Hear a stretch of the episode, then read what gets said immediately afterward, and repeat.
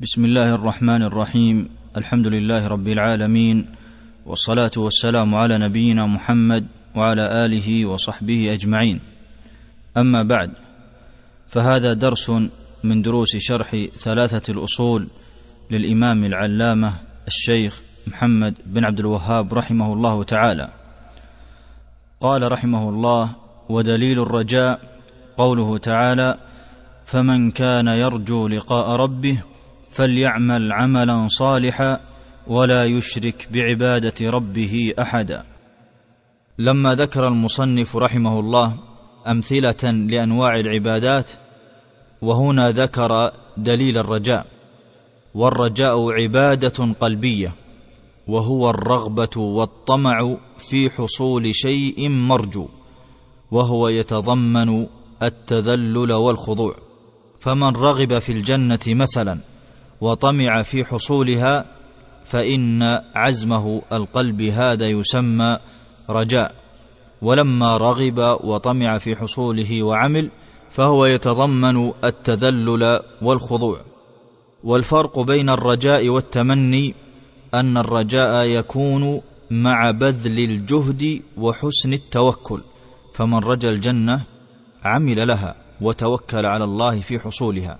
أما التمني يطلب الجنة بقلبه ولا يعمل فإن فعله هذا يسمى تمني فالتمني يكون مع كسل. والرجاء هو الحادي إلى الاعمال وهو الذي يقوي عزائم النفس للصالحات. قال ابن القيم رحمه الله في مدارج السالكين لولا روح الرجاء يعني لولا الرجاء لعطلت عبودية القلب والجوارح. وهدمت صوامع وبيع وصلوات ومساجد يذكر فيها اسم الله كثيرا.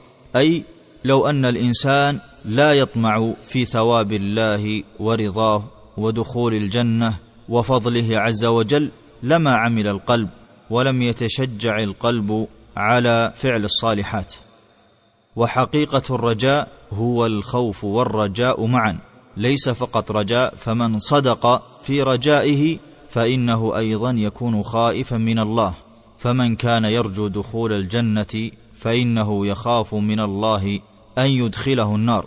قال ابن القيم رحمه الله في مدارج السالكين وحقيقة الرجاء الخوف والرجاء فيفعل ما أمر به على نور الإيمان راجيا للثواب ويترك ما نهى عنه على نور الإيمان خائفا من العقاب.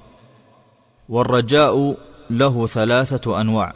قال ابن القيم رحمه الله في المدارج والرجاء ثلاثة أنواع نوعان محمودان ونوع غرور مذموم.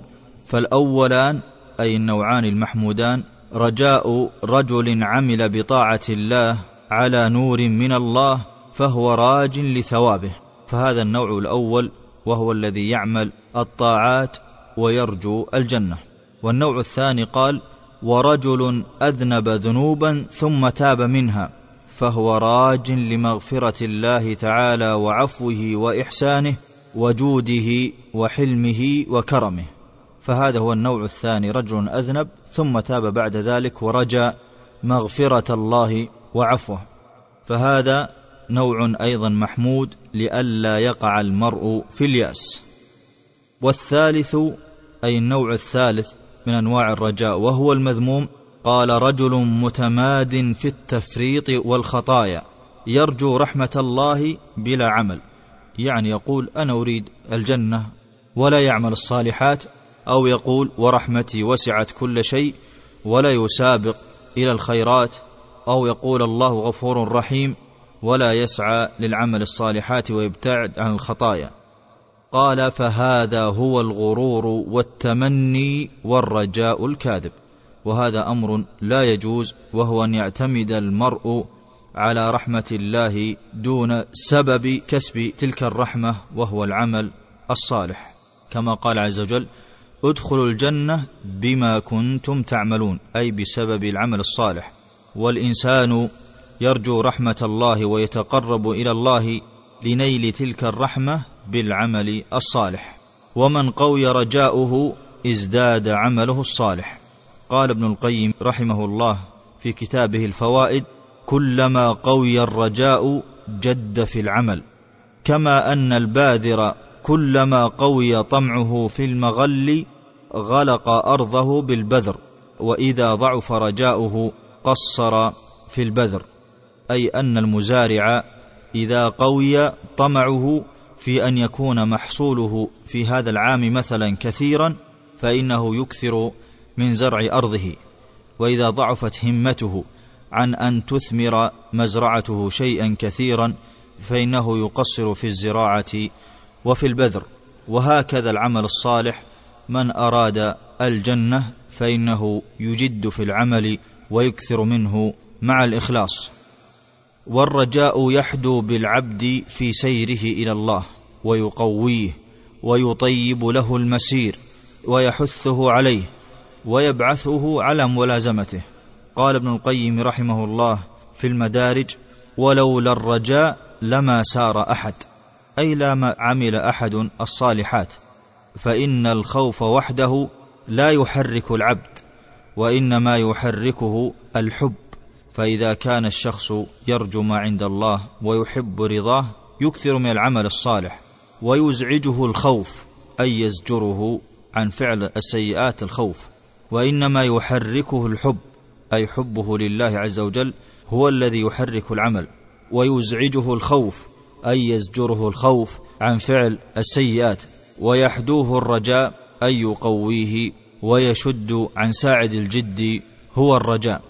وهذه هي أركان العبادة الخوف والرجاء والمحبة. المحبة هي التي تقود الخوف والرجاء.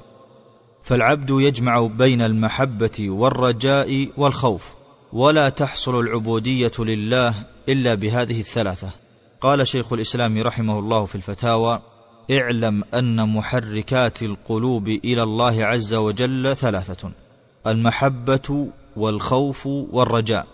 وأقواها المحبة وهي مقصودة تراد لذاتها لأنها تراد في الدنيا والآخرة أي أن الشخص يعمل الصالح محبة لله عز وجل وهذه المحبة في الدنيا وتبقى أيضا في الآخرة. قال بخلاف الخوف فإنه يزول في الآخرة أي أن الخوف من الله عبادة في الدنيا ثم يزول في الآخرة. قال الله تعالى ألا إن أولياء الله لا خوف عليهم ولا هم يحزنون. والخوف المقصود منه الزجر والمنع من الخروج عن الطريق. فالمحبة تلقي العبد في السير إلى محبوبه وعلى قدر ضعفها وقوتها يكون سيره إليه. والخوف يمنعه أن يخرج عن طريق المحبوب أي أن الخوف من الله ومن عقابه يمنعه عن فعل السيئات والرجاء يقوده أي أن الرجاء هو الذي يشمر عن ساعد الجد لعمل الصالحات. قال فهذا أصل عظيم يجب على كل عبد أن يتنبه له فإنه لا تحصل له العبودية بدونه. وكل أحد يجب أن يكون عبدا لله لا لغيره. فإن قيل فالعبد في بعض الأحيان قد لا يكون عنده محبة تبعثه على طلب محبوبه فأي شيء يحرك القلوب؟ قلنا يحركها شيئان أحدهما كثرة الذكر للمحبوب يعني كأن شيخ الإسلام يقول ما هو الذي يزيد في محبة الله؟ قال قلنا يحركها شيئان أحدهما كثرة الذكر للمحبوب أي كثرة ذكر الله عز وجل عبادة تقرب من الله عز وجل. قال لأن كثرة ذكره تعلق القلوب به. ولهذا أمر الله عز وجل بالذكر الكثير. فقال تعالى يا أيها الذين آمنوا اذكروا الله ذكرا كثيرا وسبحوه بكرة وأصيلا. هذا هو الشيء الأول الذي ذكره شيخ الإسلام رحمه الله الذي يقوي محبة العبد لله عز وجل. وهي الإكثار من ذكره تعالى. والثاني أي والشيء الثاني الذي يجعل العبد محبا لربه تعالى قال مطالعة آلائه ونعمائه. قال الله تعالى فاذكروا آلاء الله لعلكم تفلحون وقال تعالى وما بكم من نعمة فمن الله وقال تعالى وأسبغ عليكم نعمه ظاهرة وباطنة وقال تعالى وإن تعدوا نعمة الله لا تحصوها. فإذا ذكر العبد ما أنعم الله به عليه من تسخير السماء والأرض وما فيها من الأشجار والحيوان وما أسبغ عليه من النعم الباطنة من الإيمان وغيره فلا بد أن يثير ذلك عنده باعثا وكذلك الخوف تحركه مطالعات آيات الوعيد والزجر والعرض والحساب ونحوه أي أن الذي يحرك القلب إلى محبة الله كثرة ذكر الله عز وجل واستشعار نعمه والذي يحرك الخوف هو النظر في آيات الوعيد والحشر والحساب ونحو ذلك مما يزجر القلب عن فعل السيئات. قال وكذلك الرجاء يحركه مطالعة الكرم والحلم والعفو أي أن الذي يقوي الرجاء هو أن يتأمل المرء في كرم الله وما أغدق عليك من النعم وفي حلمه وعفوه وفضله وغناه وإعطائه لعباده فهذه هي التي تقوي وتحرك الرجاء بالله عز وجل. والرجاء يقوى كلما قوي العلم بالله. قال ابن القيم في مدارج السالكين قوة الرجاء على حسب قوة المعرفة بالله وأسمائه وصفاته. والرجاء من الأسباب التي ينال بها العبد ما يرجوه من ربه. فرجاء العبد ثواب الله واستسلامه لربه بانطراحه بين يديه ورضاه بمواقع حكمه فيه ما ذاك إلا رجاء منه أن يرحمه ويقيله عثرته ويعفو عنه ويقبل حسناته مع عيوب أعماله وآفاتها ويتجاوز عن سيئاته. فقوة رجائه بالله عز وجل أوجبت له هذا الاستسلام والانقياد والانطراح بالباب أي أن فعل العبد بالرجاء والتذلل لله والانطراح بين يديه هذه عبادة من العبادات وهو الذي يسمى الرجاء. فإن هذا الفعل وهو الانطراح بين يدي الله والاستسلام له وتفويض الأمور إليه لا يتصور هذا بدون الرجاء. فالرجاء حياة الطلب وهو سبحانه يحب من عباده أن يؤملوه ويرجوه ويسألوه من فضله. أي أن الإنسان كلما يسأل ربه خيرا وفضلا فهذه عبادة الله عز وجل يحبها لأنه الملك الحق الجواد أجود من سئل وأوسع من أعطى وأحب شيء إلى الجواد أن يرجى ويؤمل ويسأل لأن في هذا إقرار بأن من ترجوه قوي حميد كريم عفو قدير. والمسلم إذا دعا ربه مستشعرا بذلك أمل من الله تعالى في تحقيق سؤله ورجائه بالله. وكلما قوي رجاء العبد وطمعه في فضل الله ورحمته وتيسير أموره قويت عبوديته لله تعالى.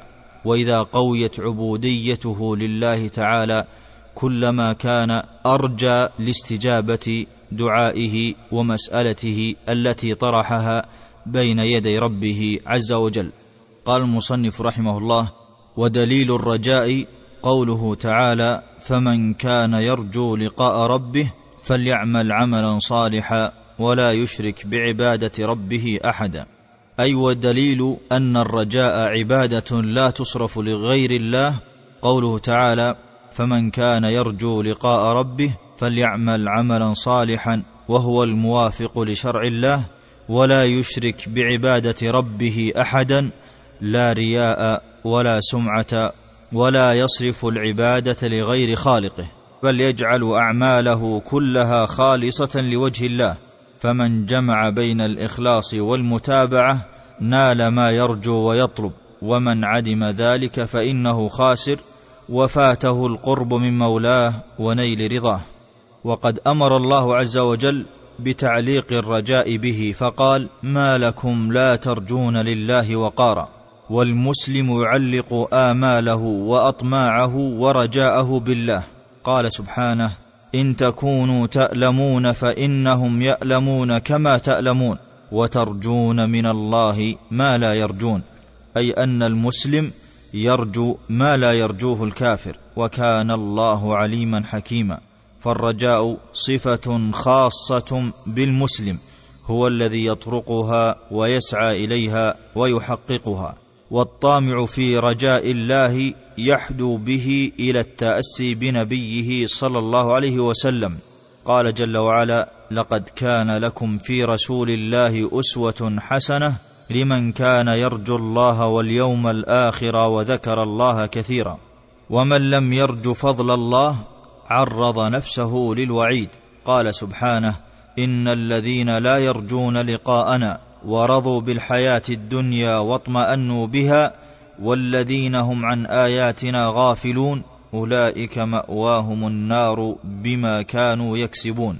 ومن رجا غير الله مما لا يقدر عليه الا الله كمغفره ذنوبه أو شفاء مريضه فقد صرف تلك العباده لغير الله ووقع في الشرك الاكبر لأن هذا طمع في شيء لا يملكه الا الله وصرف عباده الرجاء إلى غير الله قال شيخ الاسلام رحمه الله الرجاء ينبغي ان يتعلق بالله ولا يتعلق بمخلوق ولا بقوة العبد ولا عمله فإن تعليق الرجاء بغير الله إشراك وإن كان الله قد جعل لها اسبابا فالسبب لا يستقل بنفسه بل لا بد له من معاون ولا بد أن يمنع العارض المعوق له وهو لا يحصل ويبقى إلا بمشيئة الله تعالى.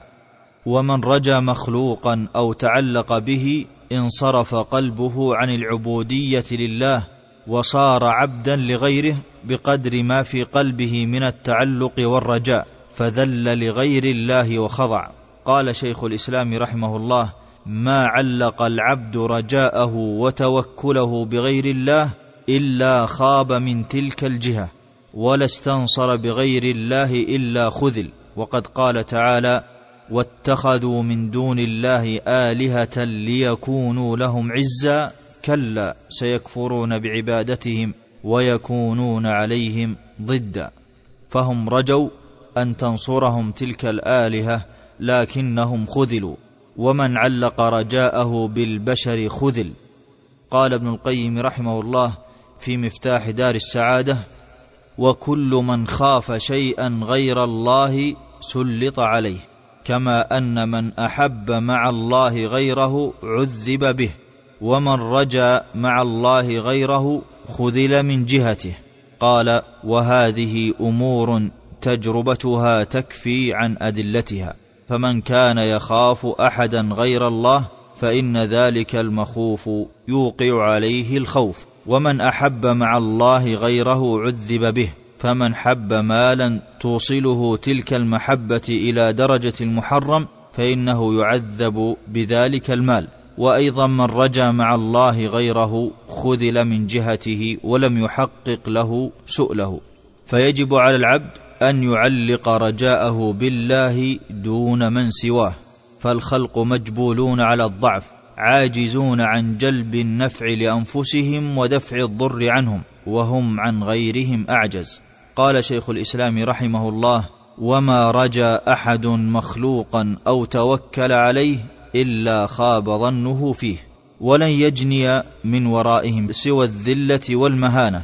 قال شيخ الإسلام أيضا رحمه الله في الفتاوى إذا تعلق بالمخلوقين ورجاهم وطمع فيهم أن يجلبوا له منفعة أو يدفعوا عنه مضرة فإنه يخذل من جهتهم. ولا يحصل مقصوده بل قد يبذل لهم من الخدمة والأموال وغير ذلك ما يرجو أن ينفعوه وقت حاجته إليهم فلا ينفعونه إما لعجزهم وإما لانصراف قلوبهم عنه. وإذا توجه إلى الله بصدق الافتقار إليه واستغاث به مخلصا له الدين أجاب دعاءه وأزال ضرره وفتح له أبواب الرحمة. فموسى عليه السلام توجه إلى الله بالافتقار إليه وكم من خير ناله لما دعا ربه إني لما أنزلت إلي من خير فقير. أي أن كل ما تعطيني إياه أي أنني مفتقر إليك في جميع أموري ولا غنى لي عن طاعتك وفضلك. لما دعا عليه السلام بهذه الدعوة العظيمة رب إني لما أنزلت إلي من خير فقير أمنه الله عز وجل في مسكنه بعد أن كان موسى عليه السلام فر من قومه هاربا خشية أن يقتلوه. ولما أمنه في مسكنه وهبه الله عز وجل زوجة تزوجها بعد أن تفضل الله عليه بإجابة دعوته. فجاءته إحداهما تمشي على استحياء قالت إن أبي يدعوك ليجزيك أجر ما سقيت لنا. فلما جاءه وقص عليه القصص قال لا تخف نجوت من القوم الظالمين. إني أريد أن أنكحك إحدى ابنتي هاتين على أن تأجرني ثماني حجج فإن أتممت عشرا فمن عندك. فلما توجه موسى عليه السلام مفتقرا إلى الله إني لما أنزلت إلي من خير فقير نالته النعم من الله والأفضال والإكرام.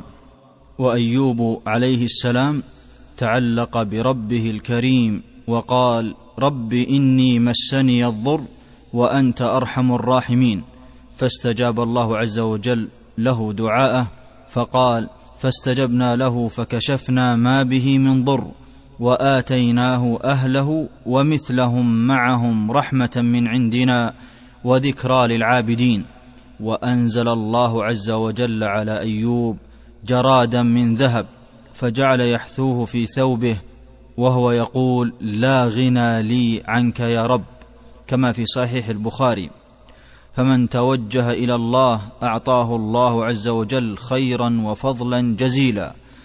وسليمان عليه السلام لما دعا ربه وقال وهب لي ملكا لا ينبغي لأحد من بعدي إنك أنت الوهاب.